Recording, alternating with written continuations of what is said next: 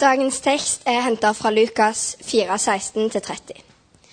Han kom også til Nasaret, hvor han var vokst opp, og på sabbaten gikk han inn i synagogen slik han pleide.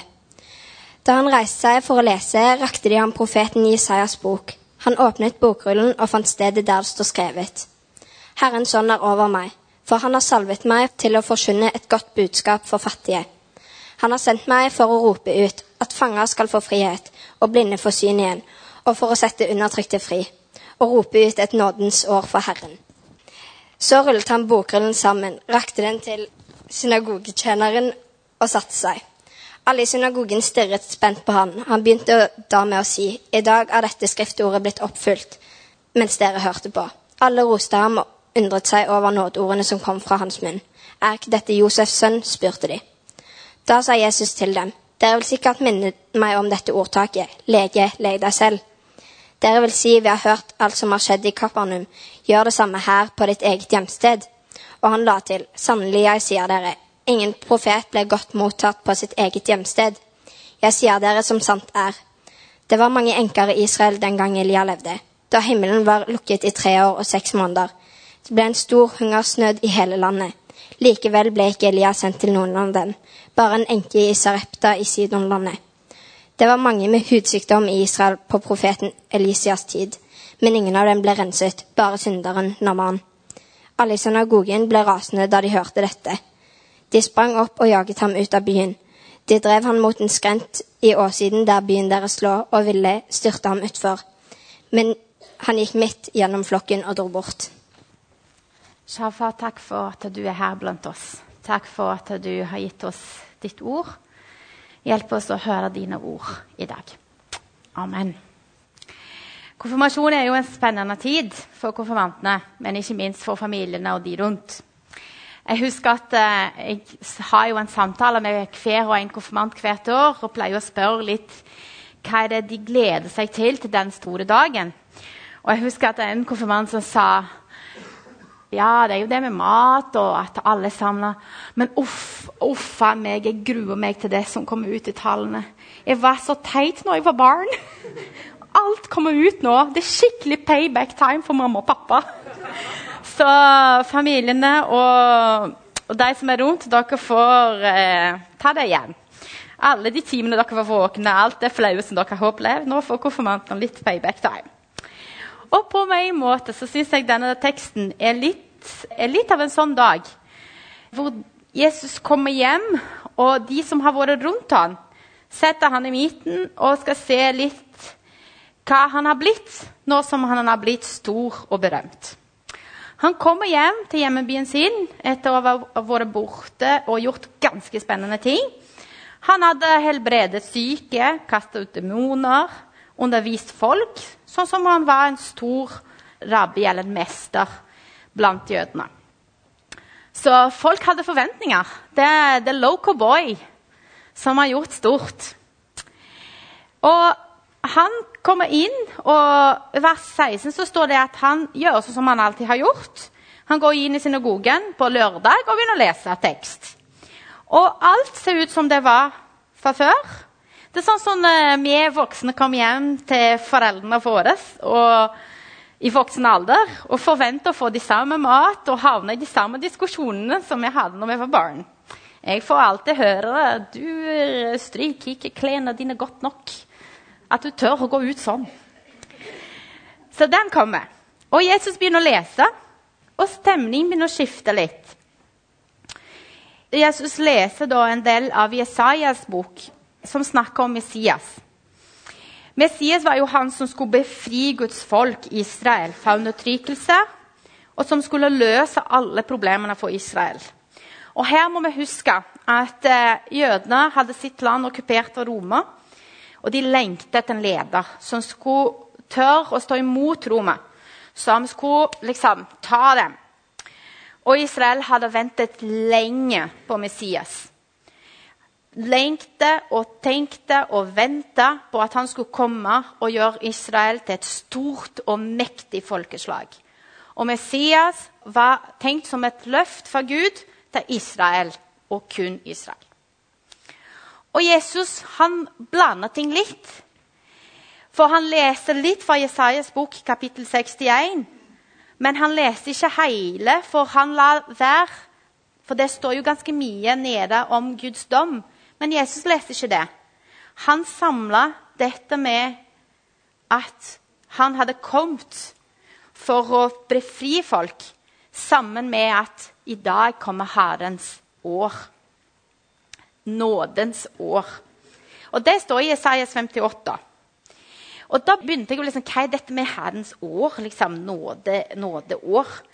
Og Det er det jødene kaller for frigivelsesår, som står i Tre Mosebok. Og det var sånn at En gang hver 50 år så var det sånn at hvis du hadde rota det til økonomisk og hadde f.eks. mista eiendom eller til gjeld, eller familien din hadde blitt slave fordi dere hadde ingenting å betale med, så da tok de familien din som slave. En gang hver 50 år så skulle alt slettes. Alt skulle gå tilbake til eierne sine, og alle skulle gå tilbake til slekta si. Så det var en slags sånn gjenopprettelsesår. Et år hvor du skulle begynne på nytt. Du skulle få et nytt liv.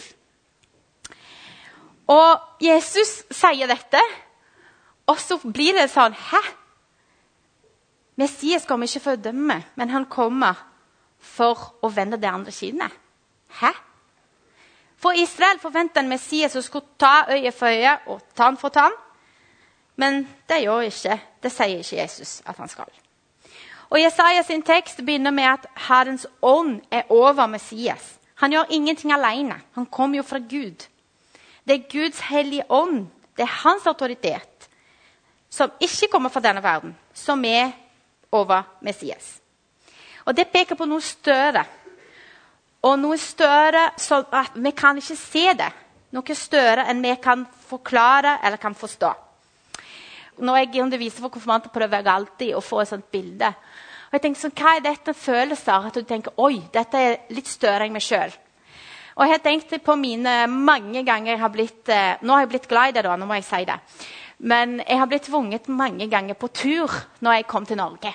Jeg fatter ingenting det der eh, greia med å gå på tur. altså. Å kle seg ut og gå ut i drittvær. Hvorfor det? Hvorfor det, altså? Men eh, Altså, når du strever å komme deg opp og Jeg husker et måte nesten skrive under kontrakt med Torstein, min mann, da, at eh, vi skulle opp til Skjerag, og jeg skulle ikke tulle på den der bolten. For han hadde ikke lyst til å ringe hjem og si at noe hadde skjedd. Så jeg ble jo med. Eh, åtte timers tur, var det vel? Et eller annet sånt. Og jeg husker ennå den der følelsen når du kommer opp og ser hele fjorden. Det var en sånn Wow! Dette er større enn meg sjøl. Wow. Så det er der wow-tingen. Det er det som er over Messias. Og Jesus fortsetter med å snakke om de fattige, fange, blinde, undertrykte. Og Her er det mye som tyder på at han snakker både om de som faktisk mangler mat, men også om de som ser at de trenger Gud. At de ikke fikser livet sjøl. At vår eksistens peker på noe utover oss selv. Noe som er større. Og stemningen blir veldig spent. Jesus setter seg. Og I vers 20 så står det at folk stirret på ham veldig spent. Litt sånn som dere gjør på meg nå. Og når jeg leste dette, her, så tenkte jeg eh, på han eh, Erling Braut Haaland som plutselig dukket opp på trening på Bryne. På fotballtrening for blinde. Og overskriften i avisen var at eh, barna fikk hakkeslepp for at han dukket opp og ble bare alle sammen. sant? Og jeg tenker at Det er litt sånn som folk ble litt når Jesus leste dette her. Alle får litt hakkeslepp og venter spent. Hva sier han nå? Og han sier noe veldig underlig. I dag er dette skriftordet blitt oppfylt mens dere hørte på. Og I teksten står det at folk blir begeistra, at de undrer seg over det de hører. Og så tenker jeg at det går sånn i hodet deres. Er dette sant? Tenk, vår lokale gutt som skal bli noe stort og befri oss. Gjøre oss stolte. Kanskje han kan til og med gjøre noe av triksene sine som han har gjort andre steder her for oss, sånn at vi får se det litt. Er det sånn at han nå skal ta rommet? Og sette Israel på toppen av alle folkene. Er dette som skjer nå? Men vent litt. Sier han at han er Messias, liksom? Den berømte Messias vi har tenkt å vente på i en evighet? Og vent litt igjen. Er ikke dette Josefs sønn, da? Ikke den Jesus han som spilte fotball og ikke var så veldig god her i gata? Ikke det han? Når jeg var ung, så var dette uttrykket det var så morsomt at jeg holdt på å tisse på meg. Litt for virkelig for meg. Og mine søskenbarn de syntes dette var hysterisk morsomt å få meg til å le. Og i Brasil så er det sånn at eh, det å klare å fullføre utdannelse er veldig stas. Og å ha noen i familien som har gjort det, er òg veldig stas. Og når jeg var ferdig med EU-studiet mitt og skulle dra hjem til jul, så var mor veldig stolt. Og så prøvde hun å vise det med å be meg om å si noen flotte ord under familiemiddagen. Og julemiddag, sånn familiejulemiddag, det er sånn alle slekter er med. Det er ikke sånn som i Norge at det er bare mor og far. Nei, alle sammen. The more the merrier. Og så sier mor kan ikke du si noen flotte ord nå har du blitt så voksen. Men altså, det var jo alle søskenbarna som ikke så en seriøs advokat som drev statlig kontor oppe i nord. Men de så bare den løgne jenta som lo så mye at hun tissa på seg. Så jeg trenger ikke si at de flotte ordene og flotte eh, talene jeg skulle ha, den var ikke så suksess. altså. Folk bare lo, og det var ingenting. Og Jesus ser med en gang hva folk tenker her. Dere vil sikkert mine meg om dette ordtaket. Lege, leg deg selv. Og med andre ord, det er sånn som sier Ja, dere tror dere kjenner meg. Dere tror at dere vet alt om meg. At dere har sett meg og vokst opp her, gir dere rett til å vite akkurat hvem jeg er. Og det er sånn med oss at vi tar hverandre litt for gitt. Vi tenker av og til at vi kjenner hverandre og kan alt om hverandre. Og jeg har lyttet til en podkast som heter Havarikommisjonen. Og det snakket de med par og parterapeuter om hvorfor forholder havarerer eller ikke, ikke varer.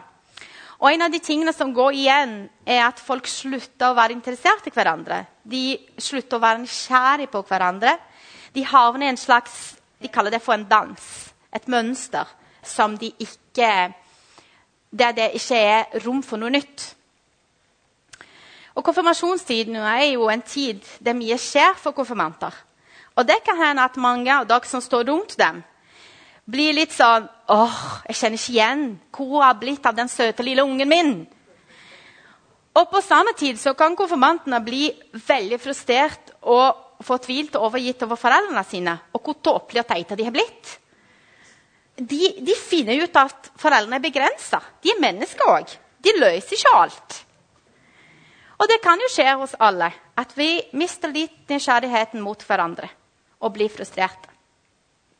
Og det er til å bli forvirret og kanskje litt fortvilt av. Og tilbake til Jesus her. Folk satt der spente. Han snakket store ord. De ble inspirerte, imponert over ham med det første, og de vil ha mer. Kom igjen, Jesus. Gjør noe triks. Vis oss hva du kan. Og Jesus blir satt midt i en dilemma her. Skal han vise dem det han kan? Skal han vise at han er den lokale gutten som har gjort bra i livet og skal løse alt? Eller er han fortsatt Josefs sønn? Han er løgnegutten som ikke kunne sparke fotball. Jesus nekter å gå i polarisering her. Han bruker et ordtak som ifølge mange studier er funnet på en eller annen variant i alle typer kulturer. Ingen er profet i eget land. I Brasil så jeg tenker liksom, Hva er det i Brasil vi sier? Det sier vi 'in casa de ferreiro o espeta de pau'. Det betyr grov oversatt at uh, smeden griller ikke med ordentlig grillspyd, med en pinne av tre. Så han har ikke tid til å lage grillspyd seg selv. Og Jesus fortsetter med å gå tilbake til Jesaja og forklare hva han mente der ved å bruke historien om profeter Elia og Elisha. Og Elia og Elisha var store profeter i Israel. Og profeter, hva er en profet? Det er de som snakker Guds ord til folket. Og Både enken i Serepta, som Elia hjalp, og en militærsjef, Naman, som Elijah hjalp, de var ikke, de var ikke jøder i det hele tatt. Men de fikk likevel erfare Israels Guds makt og godhet. Og dette var rart for Israel. Det var som en nordmann skulle hjelpe en tysker under krigen. Jeg har lest litt norsk historie, og jeg vet at det var ikke helt OK å hjelpe okkupantene på denne tida. Og Guds makt og godhet var til for alle, ikke bare til Israels folk. Og enken i Serepta og Naman hadde til felles at de var smertelig klar over sin desperasjon. De hadde jo ikke andre løsninger på problemene sine. De var veldig klare over at de ikke fiksa livet sjøl. De var klare over at de trengte Gud. De var undertrykte og fanget i sine omstendigheter. Og de var klar over at de ikke kunne gå inn i seg sjøl, finne styrke i seg sjøl, finne det de trenger for å klare dette. De var faktisk fattige i møte med livet sitt. Og når Jesus kobler disse to fortellingene med Jesajas ord om Messias, og i tillegg sier at dette er fullført i dag, da skjer det noe veldig drastisk. Han sier med andre ord, 'Jeg er Messias', og Messias kom ikke bare for jødene, men for hele verden. Som disippel Johannes sier senere, for så høyt har Gud elsket verden at han ga sin sønn den enbårne. For hva den som tror på han, ikke skal gå for tap, men ha evig liv. Og stemningen den skifter fra beundring til raseri, jag og mord. De vil drepe ham. Når Jesus nekter å være den lokale stjernen som skal sørge for at sine landsmenn skal ha det godt, men han peker på noe større, så blir de rasende på ham. Når hans budskap reker ut til alle fattige, alle blinde, alle undertrykte, så fortjener han ikke leve lenger. Og de drar han mot en skrent i åssiden og ville styre han utfor. Og her er det noe veldig interessant, fordi Litt før dette så hadde Jesus blitt frista. Og en av fristelsene var det at Kast deg ut fra denne, fra denne åssiden her, fra den skrenten her, og så be Gud om å sende engler for å redde deg. Og Jesus nekta det. Han gjør ikke det. Men her går han rett gjennom folket og ut. Jesus vil ikke teste Guds makt bare for løye. Guds makt og godhet var med Jesus, og han trengte ikke å teste Gud for å vite det. Og Jeg lurer på om jeg er klar over at Guds kraft og godhet er med meg hver dag. At jeg ikke trenger å teste om han er der. I livets opptur og nedturer så spør jeg meg sjøl klarer jeg å stole på at jeg ikke trenger å teste Gud hele veien. Jeg lurer også på om som jødene i Nasaret tenker jeg at jeg vet hvem Jesus er. At jeg lar mine fordommer komme i veien på hvem han egentlig er, og hva han egentlig kan gjøre. Eller at jeg har blitt så vant til Jesus at jeg er ikke lenger nysgjerrig på ham. Ikke lenger nysgjerrig på hva han kan gjøre, og hvem han er. Eller at jeg kan godta Jesus så lenge han sier og gjør det jeg syns er greit. Og hvis han går litt over, så trekker jeg meg. Vi lever jo i et hav av muligheter. Og de valgene vi kan ta, det gir i hvert fall meg en følelse av at alt står og faller ved meg. Jeg passer jo sjelden inn i kategorien fattig, fanget, blind, undertrykt. Jeg klarer jo det.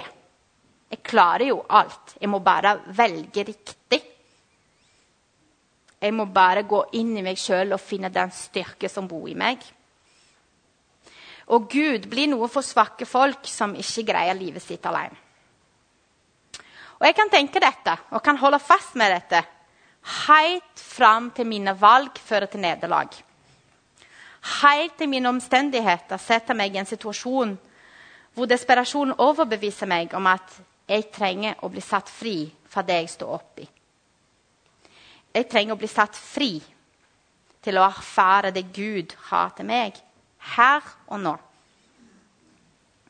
Jeg trenger Guds frigivelsesår. Et år der han setter meg fri fra omstendigheter, fra meg sjøl. Fra andres dom om hvem jeg er, eller hvem jeg var. Kjære konfirmanter. Jeg vil gjerne at dette året skal være en tid der dere kan skru på nysgjerrigheten. Være nysgjerrige på dere sjøl, deres venner, på Jesus. Jeg vil gjerne at dette året er et år der dere våger å være sårbar. kjenne etter den dype utilstrekkeligheten som sniker seg inn i de fleste av oss. La dette være et nådens år fra Gud, der han kan møte dere akkurat der dere er, og sette dere fri fra det dere trenger frihet for. Amen.